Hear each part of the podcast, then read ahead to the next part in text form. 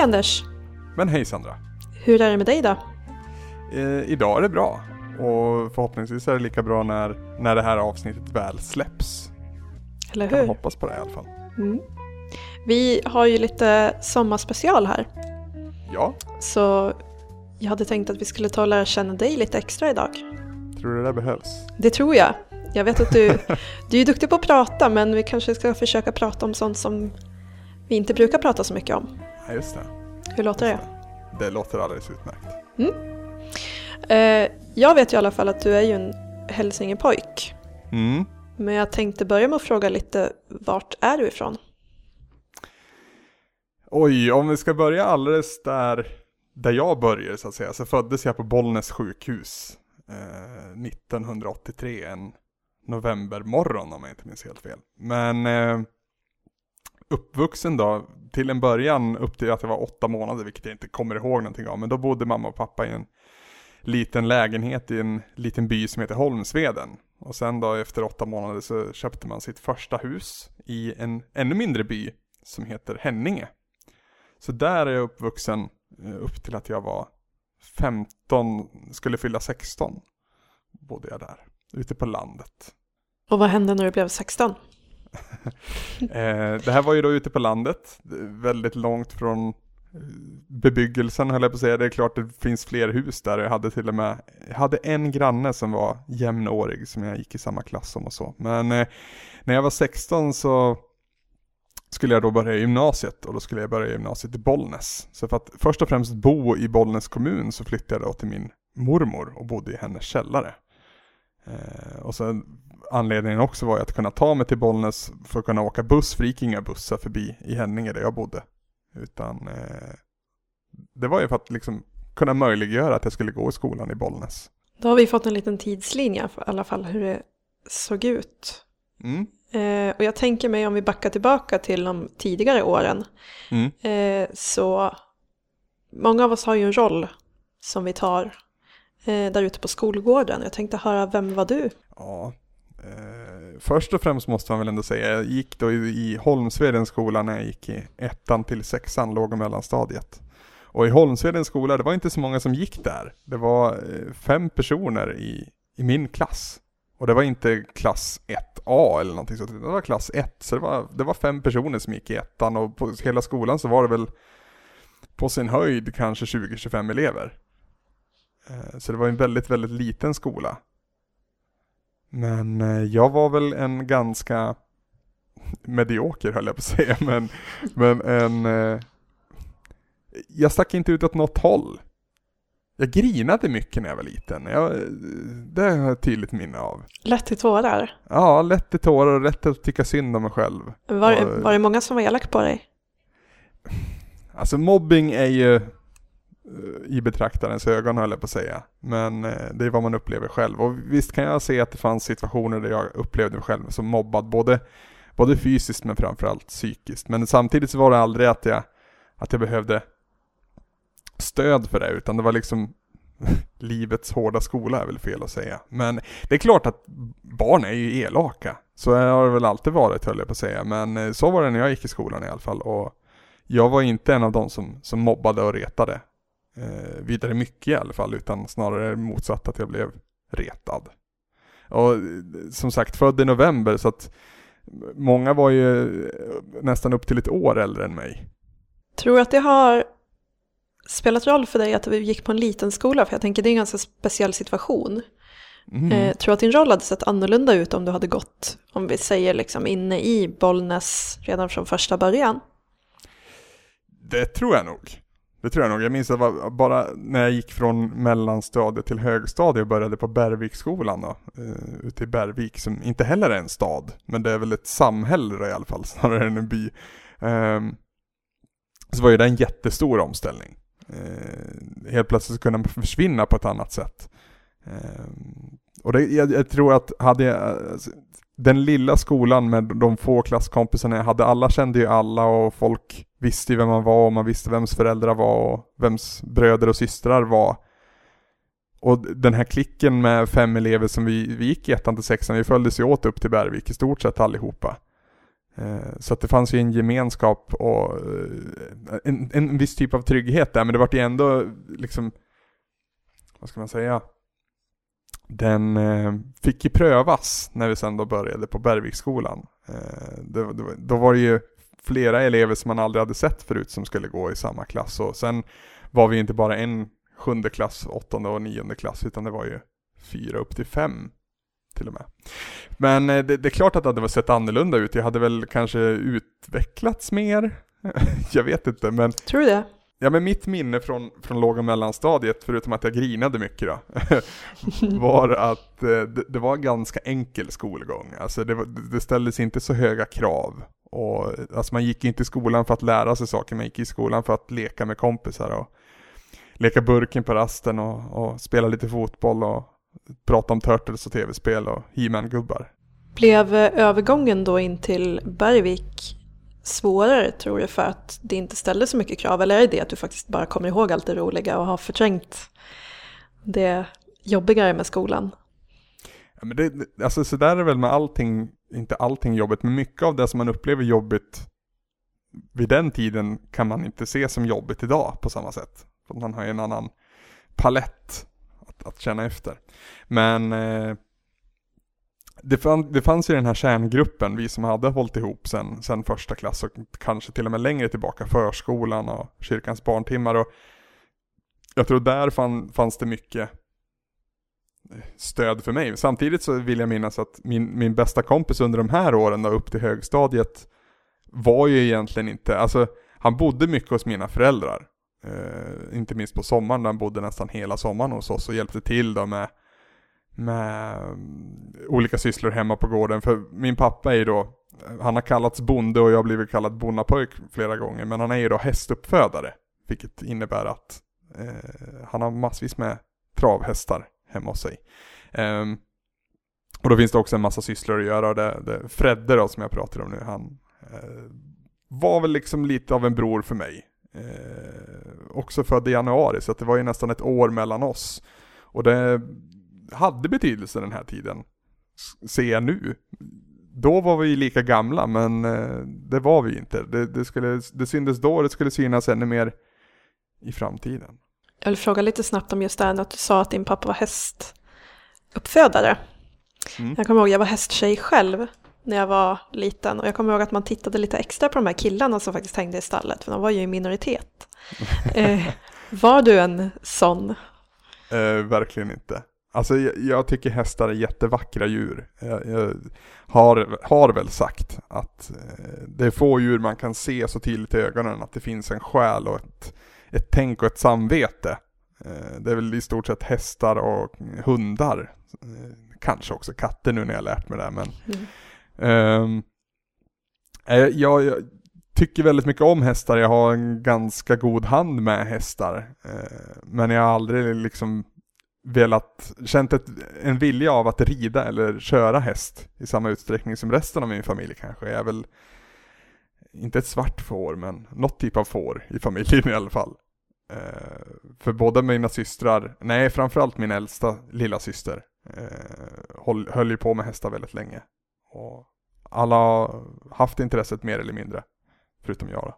Under de här åren på högstadiet är ungefär då man brukar trilla in i puberteten. Jag kommer ihåg själv att det var mellan 8 och 9 som man upplevde att helt plötsligt hade killarna dragit iväg och blivit 20 centimeter längre. Mm. Eh, när började du slå huvudet i taket och hur hårt sög det? Jag slog ju faktiskt huvudet i taket där mellan 8 och 9. Det var, det var lite jobbigt. Det var en sommarmorgon under sommarlovet jag gick, skulle gå in i köket och slog huvudet i karmen och liksom fick mig en tankeställare. Um, men jag, alltså jag var ju novemberbarn, så upp till den punkten, upp till mell sommaren mellan 8 och 9 så var jag i nästan kortast i klassen. Jag var inte på något vis jättekort, men jag var ganska liten och, och halvknubbig snubbe. Uh, så, som inte gjorde mycket väsen om mig. Halvknubbig, jag var väl inte det heller, men alltså kan man säga att man hade babyhull när man gick i sjuan? Jag vet inte. Uh, jo, det kan så. jag tycka. Okej, okay. men eh, alltså det här med att vara född i november, det var ju någonstans i sjuan och åttan så började man ju träffa folk som hade alltså det var ju viktigt att ha hår på snoppen och sånt där. Och det hade man ju inte själv. Inte till en början i alla fall. Sen så började det väl ploppa ut ett och annat där nere också. Men eh, jag var ju efter jämt. Eh, som sagt Fredde då, han var ju född i januari som sagt och, och han, han var ju nästan ett år äldre än mig. Och det, det, det, spelade in för att den här jag var ju redan försiktig och blyg och eh, duckade för mycket. Eh, och sen då när när det började hända saker med andras kroppar så vart man, det här, inte utanförskapet kanske, men den här eh, känslan av att någonting stämmer inte med mig, vart igen mer påtaglig.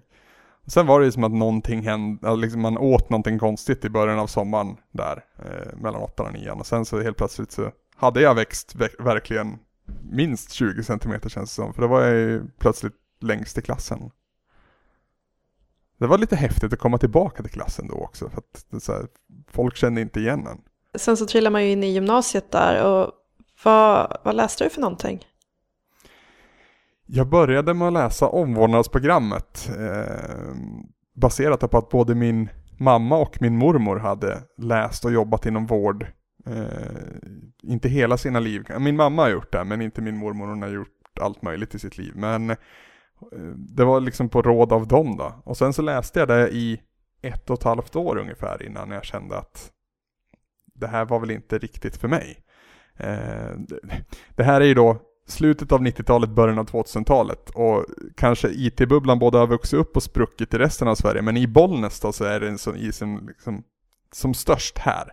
Så att man vill ju hålla på med data, det är ju förbannat jävla häftigt med data och teknik rent allmänt. Eh, så jag, jag, jag bestämmer mig för att hoppa av gymnasiet, eller hoppa av omvårdnad rättare sagt efter ett och ett halvt år. Så jag läser kärnämnen resten av den terminen, vårterminen där och sen så läser jag eldata i, i tre år. Så jag går totalt sett fem år på gymnasiet. Om man ska relatera lite tillbaka till det du pratar om, för du hänvisar lite grann till att du känner dig efter. Mm. Tror att det var bra för dig att få läsa fem år på gymnasiet istället för att hoppa ut redan efter tre? Ja, men det, ja, jag tror det. Uh, för alltså när jag började, jag var ju som sagt blyg och försiktig och det var jag även när jag hade blivit längst i klassen. Uh, så var jag, jag höjde sällan rösten eller, alltså, jag, jag stod sällan i centrum rättare sagt.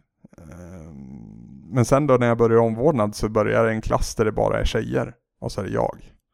Och då, då får man liksom någonstans på ett ganska brutalt sätt ibland lära sig att dels för att representera ett helt kön Eh, men också synas, ta plats eh, och bli tittad på. Det gick inte att försvinna på samma sätt liksom. Eh, och, och, även där kändes det som att man var efter. För att det här, det här kom jag då från först Holmsveden och sen också Bergvik. Det är ingen stor skola, det är ganska litet högstadium. Eh, och så kommer man till Bollnäs där det, där det går tjejer som är förlovade och alltså de känns mycket, mycket äldre. Och jag tror att det var inte meningen så, men jag tror att jag fann mig mer hemma när jag, när jag gick om de här åren. Jag träffade ju en av mina bättre kompisar genom livet under mina tre år på eldata. Eh, Gustav då som går bygg och bygg och eldata vid det här tillfället. De de läser mycket kärnämnen tillsammans. Så det är där jag lär känna honom och eh, flyttar ihop med honom längre fram också faktiskt och delar lägenhet under en period. Så att det, det var som att jag hann, hann ikapp i livet lite grann. Det har jag faktiskt aldrig tänkt på men så är det ju definitivt. Jag brukar säga att gymnasiet, eller jag, jag minns att jag sa det redan då. Alltså de sista två åren på gymnasiet när jag gick då andra och tredje ring på eldata, mitt fjärde och mitt femte år på gymnasiet totalt sett minns jag redan att jag sa då att det här är en av mina bättre stunder i livet. För att man har alla i skolan, man, man har ett enormt socialt nätverk. Men på den tiden så, så alltså det, det var en enorm trygghet och förbannat jäkla roligt att man alltid fick träffa sina kompisar och, och bekanta och tjejer också för den delen. Eh, och det, den ursäkten försvinner ju så fort man går ut gymnasiet. Det är klart att man får jobba kompisar eller man pluggar vidare av nya klasskompisar och så, men det var en en period där då man var bekvämt nyvuxen. Jag vet inte fan hur man hade råd att vara ute och festa och slira så mycket som man gjorde för man hade ju inga pengar alls. I och för sig jobbade jag lite, jag hade ju fått extra jobb då genom mina omvårdnadspraktiker. Men, eh, och där, där jobbade jag ibland på, på lov och mm, över sommaren och helger också ibland. Så jag hade ju lite mer pengar än vad gemene man hade, men det var inte som att jag hade mycket pengar. Om jag får bli lite mer privat och så då, tänkte jag säga. Vi är väl ganska privata, vi sitter och pratar nu. Men eh, just det här med tjejer. Mm. Hur såg det ut på den fronten under den här perioden? Du pratade ju lite om att du kände dig efter och så. Är det någonting som återspeglades i eh, förmågan att skapa relationer och så? Oj, hur långt bak vill det gå då? Att, Ja, men man kan ju alltså liksom lite lätt hur, hur många, när, när höll du första handen liksom på skolgården? Och jag började där bak. Det, ja, men det var nog mellanstadiet. Jag, jag, alltså, det låter faktiskt ganska imponerande nu när jag säger det med tanke på hur få tjejer det gick på den där skolan. Eh, fast det gick lika få killar också i och för sig. Men eh, det var då min Freddes syster som var min, min första flickvän. Uh, Mia hette hon och vi höll handen och vi, vi försökte slå hångelrekordet där på, någon, uh, på något kalas. Eh, där vi låg i väldigt obekväm soffa och skulle inom situationstecken hångla. Jag vet inte, jättekonstigt. Men det var ju, man hämtade, jag i alla fall hämtade jättemycket inspiration och försökte lära mig livet genom Bert-böckerna. Och då skulle man ju hångla liksom. Det var ju, det var ju det tuffaste som fanns. Jag vet inte om jag tyckte att det var så vidare trevligt egentligen. Det var väl ganska obekvämt om sanningen ska fram. Och sen då när, när man slutade fråga chans och när man blev ihop på riktigt, då var det ju ett jättestort hopp på mig. Alltså under hela sjuan, åttan och nian så var jag eh, ingenstans på den biten. Eh, och, och den här känslan av att det är någonting fel på mig var ju, var ju vardag liksom. Det, det var, ingenting stämde. Sen var det, jag tror jag gick hela år, första året på gymnasiet också utan att ha den kontakten var väl någonstans där mellan första och andra året på gymnasiet som man började strula med folk. Vilket var fantastiskt häftigt. Jag vet inte om man säger strula idag. Jo, det tycker jag. Det är ett Okej, fantastiskt bra uttryck. ja, men det, det innefattar så mycket liksom. Ja, ja. och det, alltså det, du vet, nu blir det väldigt mycket fokus på det här men mina gamla klasskompisar när man visade upp eh, skolkatalogen och sånt där så såg man ju då min klass och det var bara tjejer och så var det jag. Jag var ju i paradiset tyckte de, men det var ju Mm. verkligen inte så för mig. För att dels så var jag inte emotionellt där eller fysiskt heller för den delen. Eh, och sen hade jag liksom inte pondusen eller självförtroendet att, att våga ta det här steget med någon. Inte ens när jag blev full liksom, utan då eh, det var väl kanske att man hävde ur sig någonting som man inte kunde stå för snarare. Eh, men någonstans här så träffade jag väl också eh, Annika heter hon, min, min första riktiga flickvän. Hon är från grannstaden Söderhamn. Och vi är inte tillsammans vidare länge, det är väl sju månader. Men här så gör man ju mycket som man, som man inte har gjort förut så att säga. Om vi ska hålla det censurerat. Och det är då under andra året på gymnasiet, så jag är ganska gammal. 16-17 år där någonstans. Det är väl ganska medel kan man ju tycka, så du var ju nog inte så mycket efter som du tror att du var. Nej, precis. Jag tror det Det lever inte. kvar det här att jag alltid har Mm. jagat efter de andra. Jag har aldrig varit först i mål. Och det Mm. var jag inte heller ur, ur den aspekten. Men eh, sen var det liksom som att ja, nu blir det en väldigt fokus på tjejer och förhållanden. Men eh, så är det väl kanske. Det är en stor del av den här tiden i livet. Mm. Ehm, och efter Annika och efter jag hade gjort slut med henne, för det var faktiskt jag som tog det här beslutet, så det klassar jag fortfarande som ett, av mina bättre beslut. Um, inget illa menat sådär, men eh, då, då, är, då är det ju som en löpeld snarare, att, att jag blir en sån som hoppar från förhållande till förhållande. Om det så är en veckas förhållande eller ett halvårs eller ett år. Eh, och det här håller i sig långt efter gymnasietiden har gått över. Och det, där har jag väl också läst in lite saker med att det återspeglar otryggheten i mig själv någonstans. Att det, det är någonting fel på mig, det är någonting som inte står riktigt rätt till. Det finns mer där också om man vill, om man vill gräva i det här, men jag, jag, jag tror vi hoppar där för den här stunden. Ja, om vi ska prata om tiden under respektive efter gymnasiet. Och Mm. så tänkte jag fråga, när man står där med mössan på. Jag vet inte om ni hade någon skoltrapp, men det hade vi när jag tog studenten i alla fall och blickar ut över folkhavet som står där för att gratta en. Mm. Vart var du på väg då? Vad sprang du ut till? Jag sprang ju ut till fortsatt sommar och extrajobb inom vård och omsorg. För att det här jävla eldataskiten, det gav mig ingenting. Det var ju liksom bara ett tidsfördriv. Det, det slutade ju sen med att jag läste upp de där resterande omvårdnadskurserna och jobbar väldigt länge inom vård och omsorg. Eh, innan jag är, ja bara för, alltså det är ju i år jag har börjat jobba inom en annan bransch så att säga. Eh, så att jag, jag börjar väl extra jobba och har egentligen ingen riktning i livet. Jag står mest och stampar och som sagt det är annat som, som värderas högre här. Det är liksom förhållanden och hänga med kompisar och åka på festivaler och spela in band och sånt som man gör på den här tiden. Eller som jag gör på den här tiden ska man väl säga snarare. När du säger att det känns som att du står och stampar, Mm. känns det som att du har kommit ikapp? ja men jag tror, jag tror den här med att gå om gymnasiet, att jag fick gå det med 85 fast jag är 83 själv. Det, det, var bra för mig. Jag vet inte varför egentligen, men det, det kändes inte som att jag var så jäkla efter längre. Jag var snarare lite före, bekvämt mycket före. Så jag var inte utanför på något vis, jag var, jag var bekvämt i, i täten. Om vi ska landa i vart du är idag, Mm. hur stor skillnad är det på dig idag mot för den person du var då som stod där på studenttrappan? Ja men det, det, är en, det är en jättestor skillnad faktiskt. Eh, Hur då? Ja det är på det emotionella planet återigen för att jag, jag, upp, hela den här vägen, alltså från första klass och troligtvis längre tillbaka också. Och upp till att jag går ut gymnasiet och går ut i ett så kallat vuxenliv. Så jag är ju en enormt osäker och otrygg person i mig själv. Jag klarar inte av att vara själv. Jag är den som alltid har folk hos mig. Jag är den som aldrig är riktigt singel.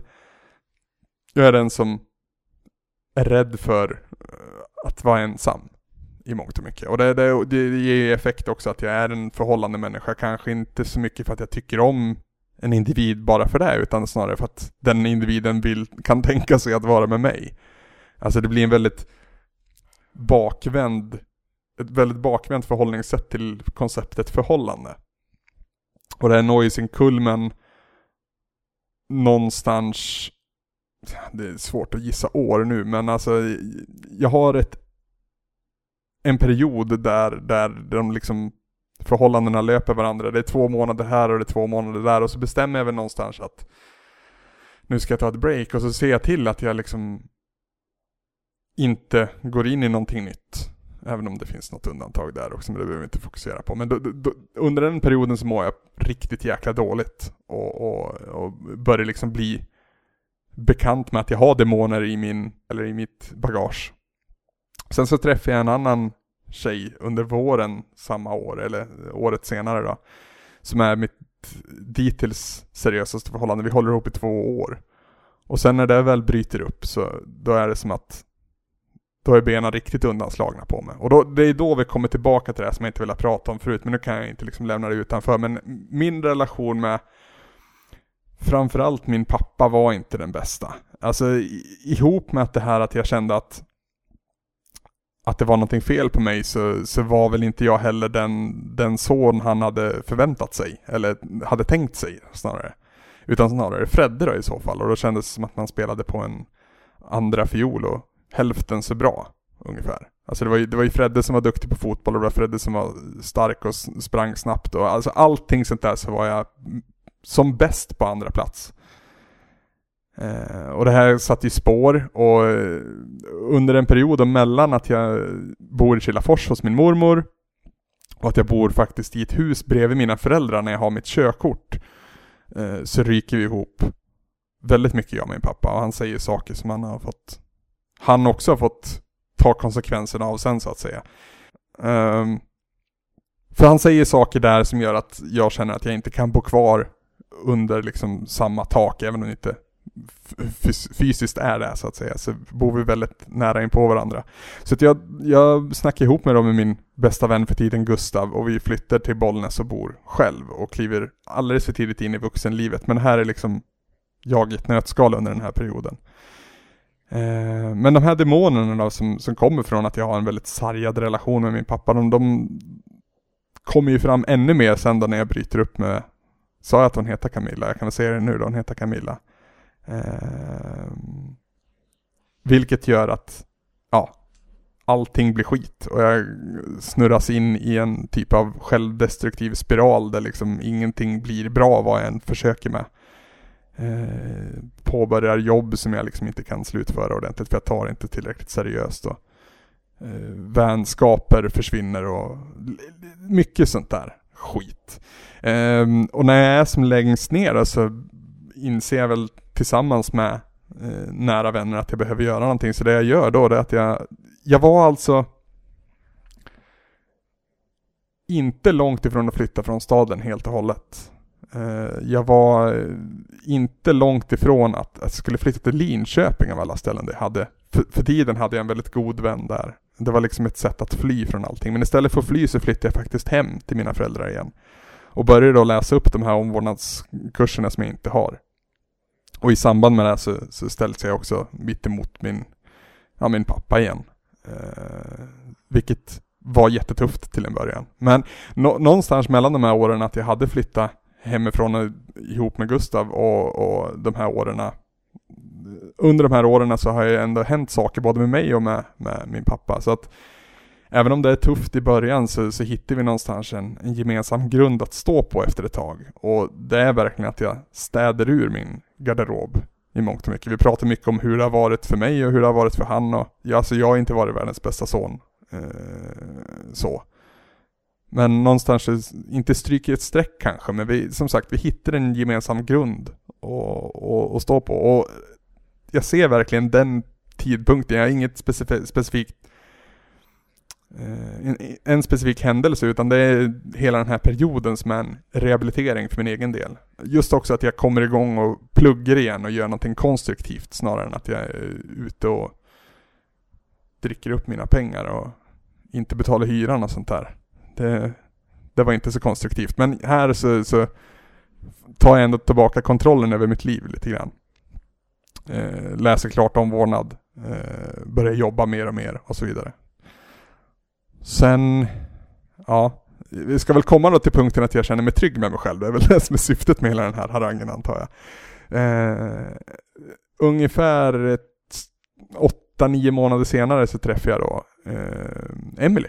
Ungefär samtidigt som jag börjar bli klar med mina studier. Det är i slutet av sommaren 2008 så träffar jag den här tjejen. Och här har ju mycket hänt under den här tiden. Alltså det, det låter som att det, det är stafettpinne här också, men det är verkligen inte så. För det första så har jag varit singel väldigt länge. Och sen har jag gjort väldigt mycket bra och väldigt mycket dåliga saker under den här perioden. Fast i omvänd ordning då. Eh, så jag, redan här så är jag en ny person. Det blir väldigt mycket förhållande och personligt så, men, eh, men Emily är jag tillsammans med fortfarande idag. Eh, och eh, det kändes verkligen skönt att träffa någon som jag ville vara med bara för att hon var så intressant och så spännande snarare än att hon skulle ge mig trygghet. För den hade jag redan hittat någonstans. Ni bor ju inte i Bollnäs heller. Nej. Eh, 2000, ska vi se så att det här blir rätt, men 2010 måste det bli. Så kommer då Emily in på eh, Bibliotekshögskolan här nere i Borås. Och jag vid den här punkten har ingenting, jag har ju liksom inget fast jobb fortfarande utan jag har ran, rant runt på olika vikariat och långa som korta liksom och jobbat extra eh, på lite olika ställen i, i Bollnäs. Så att jag har ingenting som håller mig kvar. Så att vi tar beslutet tillsammans att vi, vi flyttar ner hit på, på, på gott och på ont. 2010 som sagt. Och där vi sitter nu idag så har hon precis blivit klar med sina studier eh, som bibliotekarie. Och under den här tiden så har jag då dels fått jobba som vik vikarie inom socialpsykiatrin här i Borås och sen också fått ett fast jobb och nu allra, allra mest nyligen så har jag ju börjat jobba fackligt eh, den vägen då. Så idag så jobbar jag bara fackligt. Det låter ju som att det ändå var en mer produktiv flytt än flykt som det var på väg att bli. Absolut absolut, det, det gav ju mig någonting och just det här att det fanns ingenting som höll mig kvar, men jag behövde verkligen inte fly heller. Jag var liksom bara mittemellan någonstans. Känns det som att du har landat nu? Mm, det gör det verkligen. Och vi har väl båda sagt, jag och Emelie, att vi har väl inga planer på att flytta tillbaka just till Bollnäs. Men det sagt så har vi inte slagit ner ankare i, i Borås heller, utan det är mer att vi, vi håller alla möjligheter öppna. Men, men just att flytta tillbaka till Bollnäs, alltså det är en väldigt liten stad. Eh, när jag var väldigt liten så sa jag att jag ville inte bo på landsbygden som jag då eh, bodde, utan jag ville bo i stan. Och när jag då flyttade till Bollnäs så var det väldigt stort. Men, men idag är ju Bollnäs jättelitet. Eh, så att det, det här perspektivet förändras ju hela tiden och så. Och det, det, kan hända att om tio år så sitter jag där ändå och bor i Bollnäs. Det vet jag inte. Men just nu känns det inte som att jag vill liksom flytta tillbaka till den mindre staden. Utan kanske snarare till en ännu större stad än Borås. Det får vi se. Vi behöver en anledning att göra det bara. Om vi ska byta fokus lite grann. Mm. Eh, jag vet att många både lyssnare och läsare har ju ändå en relation till dig som spelare. Eh, både genom de olika projekt som du har haft men också genom eh, dina texter på Riket. Så jag tänkte kanske inte fokusera så jättemycket på det du spelar snarare än hur du faktiskt har hamnat där du är idag med Riket och den typen av spelare som du har blivit. Oj. ja, nu blir det en sån här lång historia igen, men jag ska försöka hålla den kort till skillnad från den förra. Um, spel har ju funnits sen innan jag började skolan. Eh, när jag var liten så opererade jag polyperna för jag hade jättemycket problem med hals och öron och så när jag var eh, en eh, väldigt liten, så för att trösta mig när jag då fick vara hemma från, ja då, jag var hemma från skolan ja.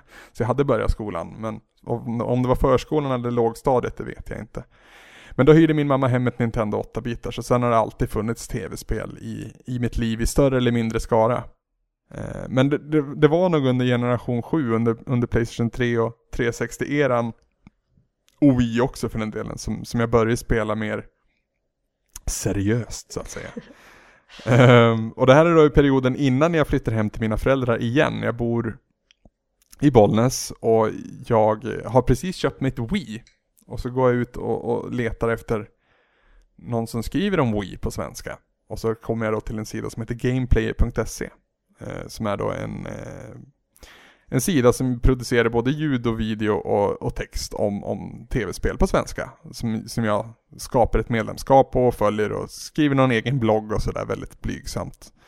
Och där så, så, så utvecklar sig mitt intresse. Inte bara att, att konsumera och se på underhållningsfokuserad rapportering av tv-spel utan även att, att, att uttrycka mig själv utifrån de, de känslor jag upplevt tack vare spel. Eh, sen så är det många år där, jag liksom är, sitter på sidlinjen och på avbytarbänken och så, men eh, ja, i, någonstans ett, en bit in efter att jag träffat Emily så, så startade jag då en blogg som heter Retroresan, för att jag har spelat väldigt mycket nytt och väldigt mycket eh, från Wii och vid den här punkten också Xbox 360 och Playstation 3, men jag känner samtidigt att folk skriver om de här fantastiska upplevelserna som, som eh, man har kunnat uppleva förr. Och alltså, där jag kommer ifrån och med det nätverket jag hade, det väldigt begränsade nätverket jag hade när jag växte upp, så hade inte jag tillgång till alla spel, långt ifrån. Eh, fick spel kanske när man fyllde år och i julklapp och så, men sen inte utöver det. Kanske vid något undantag sådär, eller om man lyckades skramla ihop lite pengar själv. Men det var ju väldigt mycket spel som man aldrig fick tid att spela. Så jag startade en blogg och ett projekt då som går ut på att, på att jag ska börja spela mer retro. Och kolla om de spelen fortfarande håller idag när man kan uppleva så mycket häftiga saker på Xbox 360. Det är mycket också tack vare Nintendo Wii's Virtual Console där man kan ladda ner de här gamla titlarna igen. Det gjorde det väldigt enkelt för mig att ta del av dem igen. Och den här bloggen blir ju så småningom också en podcast som, som löper under tre år tillsammans med en, en eh, ja, tillsammans med Samson Wiklund då, som, som ser den här bloggen. Eh, och han har sin sin podcast Savepunkt och jag gästar den här podcasten Savepunkt och vi det hörs verkligen inte i avsnittet, men vi klickar. Jag tror att jag, vi, när, när inspelningen rullar så är jag alldeles för nervös, men vi, vi klickar och vi, vi håller liksom kontakten efter det här och jag gästar den här podden lite längre till. Eh, och sen så hade väl han lite problem, eller problem, men han hade lite osämja. Nu kanske jag säger för mycket, men hans podcast funkar inte så jäkla bra. Jag la ner eh, bloggen, eller jag la den på is, eh, Retroresan, för att jag då fick mitt gig på Gameplayer som en eh, skribent där. Det är mycket nu samtidigt, men vi, hur den är så slår jag och Samson ihop oss och gör Retroresan till en podcast istället. Och det här löper då simultant med att jag också började skriva om spel och få hem recensionsex och sånt via, via Gameplayer. Gameplayer blir sedan eh, det händer saker där internt som gör att jag går istället till en sida som heter Skillpoint. Eh, Retroresan följer med så att säga, eller inte följer med men det, det fortlöper under den här tiden. Eh, sen så under en period här, det första året tror jag när vi bodde nere i Borås, så har jag alldeles för mycket projekt igång samtidigt. För jag har då en, en personlig blogg eh, om spel, och så har jag Skillpoint, och så har jag en podcast på Skillpoint som heter Skillpod, och så har jag Retroresan samtidigt. Och så försöker jag jobba så mycket som det bara går under den här perioden också. Eh, så att det går liksom inte. Så jag, jag beslutar mig för att lämna Skillpoint åt sidan för en stund. Gud vad bra det går med att inte vara så långvarig för övrigt. Det är helt okej. Okay. Det är väldigt fascinerande att lyssna på. Jag känner ju inte dig särskilt bra. Du får tillfälle nu då får man hoppas.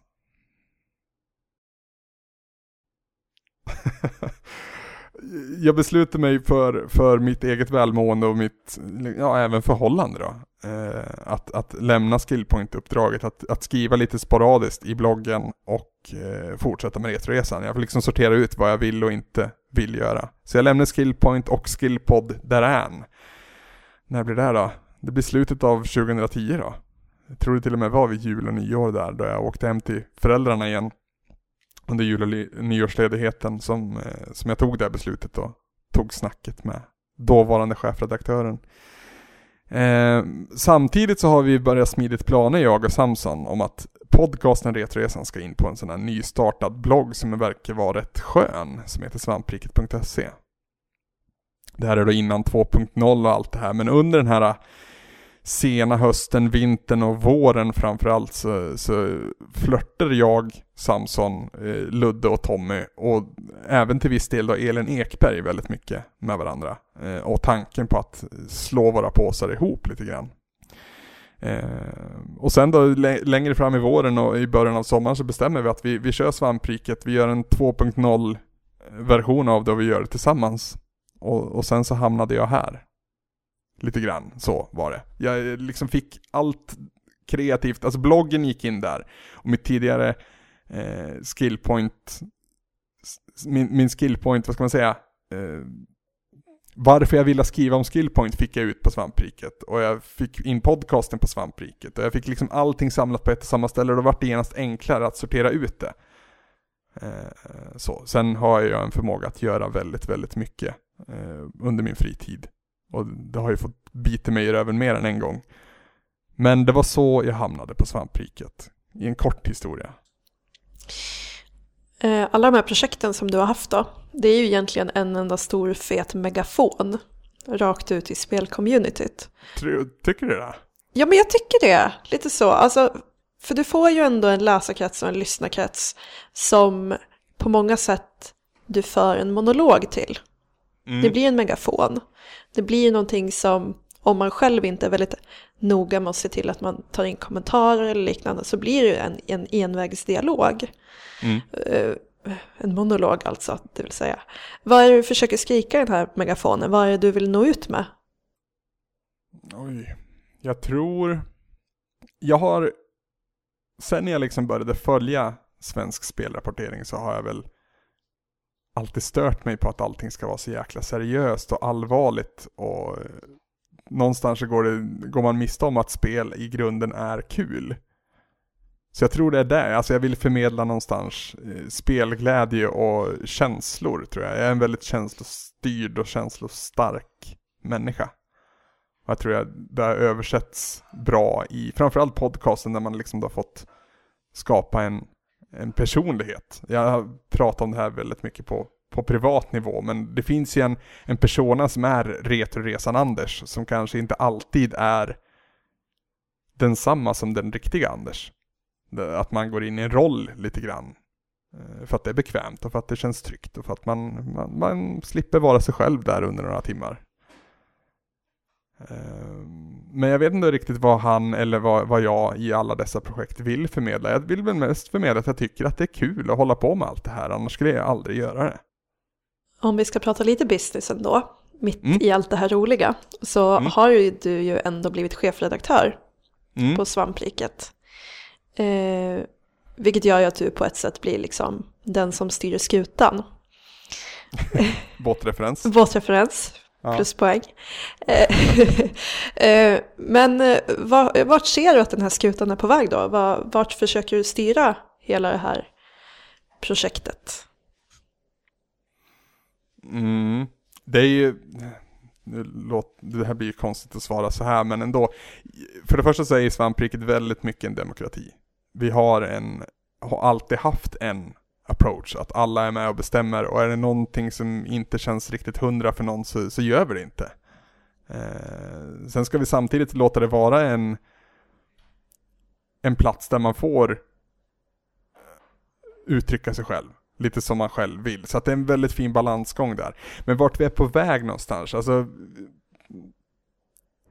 det vet jag nog inte och det är väldigt, väldigt kittlande för jag känner samtidigt att vi är på väg någonstans. Vi har en jäkla fart under, under, under fötterna. Men det, det är lite suddigt där borta dit vi är på väg men det tycker jag är roligt för jag vill se vad som är där borta. Vart kan det här skeppet ta oss någonstans? Om du skulle göra en gissning då, om tre år, vart, vart har vi lagt, vilken hamn har vi gått in i då? Nej men alltså det finns ju såklart en dröm om att kanske inte kunna livnära sig på det, för det tror jag aldrig kommer vara möjligt under våran tidsepok. Jag tror tyvärr inte det. Jag kan ha fel, jag har jättegärna fel i den här frågan, men däremot så skulle jag gärna ha möjlighet att kunna ha ett typ av ett kontor där vi skulle kunna jobba tillsammans lite grann och göra saker, alltså slippa jobba från hemmet hela tiden, för det är lite bökigt när man har ett vardagsliv också när man har liksom katter som man, och sambos som man måste stänga in så att de inte ska jama och ropa i mikrofonen som man just nu sitter och pratar i. Det är lite halvpraktiskt sådär. Så att det, det, det vore skönt om man kunde nå den punkten någon gång. Eller framförallt att, att kunna få in resurser så att man gemensamt allihop kunna göra någonting utan att man bekostade det själv. Alltså åka på E3 är det alla säger. Jag vet inte om jag är så jäkla sugen på att åka just på E3 men att åka på någonting sånt där tillsammans där vi liksom får betalt för all den här tiden vi har lagt från vår egna privata tid. För att vi är alla lika dumma i huvudet. Nej, inte alla lika mycket, men vi, alla är ju dum i huvudet i alla fall, det kan vi vara överens om. Så det är väl någonstans ett, ett litet mål, att vi, att vi får någonting tillbaka. Vi får jättemycket tillbaka, men rent resursmässigt så skulle det vara fantastiskt kul. Jag tänkte att vi ska börja knyta ihop den här påsen lite grann. Eh, Mm. Jag tänkte först fråga, vi har ju verkligen gått in och varit väldigt privata och det tycker jag har Mm. varit jättetrevligt. Men jag tänkte ändå ställa frågan om det finns någonting som vi inte vet om dig. Någon liten speciell detalj som gör just dig till Anders. Det är ju jättesvårt, för det är ju ofantligt många timmar och dygn som jag har suttit och pratat envägskommunikation som du var inne på. Så att jag har ju förtäljt väldigt mycket av mig själv och det, det har också varit en liten röd tråd i alla de här projekten att jag har varit väldigt ärlig och eh, inte försökt vara någon, ironiskt nog så har jag försökt inte vara någon som jag inte är. Eh, utan jag har varit väldigt trygg i vem jag är och vad jag har i mitt register så att säga. Men jag har en sån här grej som jag inte pratar med folk om, men så jag tror, jag inbillar mig i alla fall att folk i min omgivning känner till och vet om ändå. Och det, jag har ju någon typ av tics. Eh, som syns små sekvenser ibland, framförallt när man filmar mig. Det, det är liksom gnugger nävarna fast jag har, jag har börjat klia mig jättesnabbt på kinderna och på sådana här konstiga ställen. Och det är jättesvårt för jag vet inte riktigt vad det är. Och jag, ja, det är också en grej som jag kanske inte är jätteöppen med, men jag har världens jäkla läkarskräck. Så jag vågar liksom inte jag tror inte att man behöver kolla upp någonting sånt. Jag tror det bara är helt enkelt tics och det, det är en grej som det känns som att det kliar jättemycket och till slut så måste jag göra det annars så, så, så exploderar jag. Um, men läkarskräcken är ju så här, har jag ont någonstans så låter jag det gå över oavsett hur jävla ont det gör. För att jag är fullkomligt övertygad om att om jag åker till läkaren och, och han eller hon får titta på mig så, så, så har jag cancer och jag har rabies och jag har allt sånt där. Ja, det var det jag tänkte fråga. Är du faktiskt rädd för läkarna i sig eller är du rädd för det de har att säga? Ja, nej, nej. Alltså läkarna har jag absolut inga problem med. Eh, den rollen eller auktoritet eller någonting sånt. Utan det är just vad finns här som inte jag känner till? Det vill jag inte veta. Jag, är, alltså, jag tror väldigt mycket på olyckligt eh, ovetande. Lyckligt ovetande heter det. Eh, så. Sen är det någonting som jag måste ta itu med förr eller senare. För tandläkarna har jag inga problem med. Men tandläkaren kan bara ge så här lagom dåliga besked. Och en, och en hög räkning. Ja, precis. Och den, den ekonomiska biten, fine. Men eh, just det här, du har cancer eller Mm. Du är ju dum i huvudet Anders. Varför, varför har ingen sagt det här till dig innan? Du har ju psykiska problem. det är sånt där jag går och tänker på. Men det är väl min tics som jag för första gången egentligen pratar med någon om. Att jag liksom håller på och gnuggar mig sådär i ansiktet. Men som sagt, jag är ganska övertygad om att folk i min omgivning i alla fall är medvetna om det här.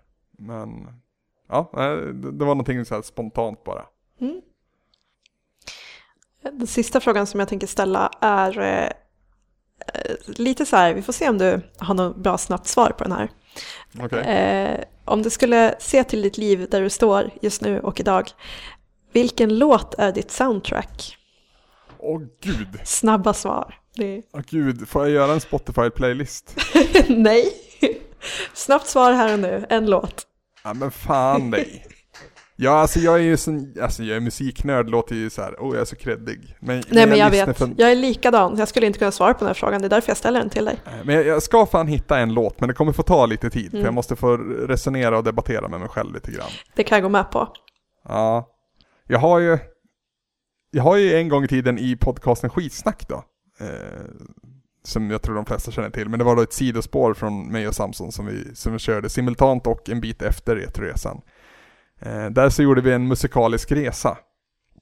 Där eh, vi båda valde ut, eh, tror det var tio låtar var till och med. Eh, som då skulle beskriva vårt liv. Eh, så. Men jag ska inte välja någon av dem, men fan, fan, fan. Jag har ju många sådana här, den här stunden i mitt liv, då lyssnade jag mycket på den här. Den här, den här låten beskriver den här stunden i mitt liv, men vart jag är idag, det är ju jättesvårt. Ja, om du tittar tillbaka, om, om tio år så ska du titta tillbaka på den här stunden. Vilken låt är det då du tror kommer vara den du tänker på? Ah. Fan ta dig Ja. Sandra. Varsågod. Nej, men det, jag, jag tror att vi ändå måste bli ganska tråkiga här. Och då måste jag välja en Biffy Clyro-låt. Ja men du, det får du väldigt gärna göra för min del. Ja, jag har ju tjatat om det här jävla Ja. bandet så jäkla länge, men jag, jag, jag lyssnar fortfarande ofantligt mycket på deras senaste skiva. Ja, den är, den är... åh, den är underbar. Vi skulle kunna prata en hel podd om deras Ja, vi får, vi får nog göra det i framtiden. skiva. Ja, det är helt fantastiskt. Men vilken av dem då? Det är ju 20 låtar. Du lär ju välja Ja, en. men det, det finns ju en som står ut och är hästlängder bättre än någonting annat de någonsin har gjort, tror jag är redo att säga. Får jag gissa? Och, ja, det får det. Spanish Radio.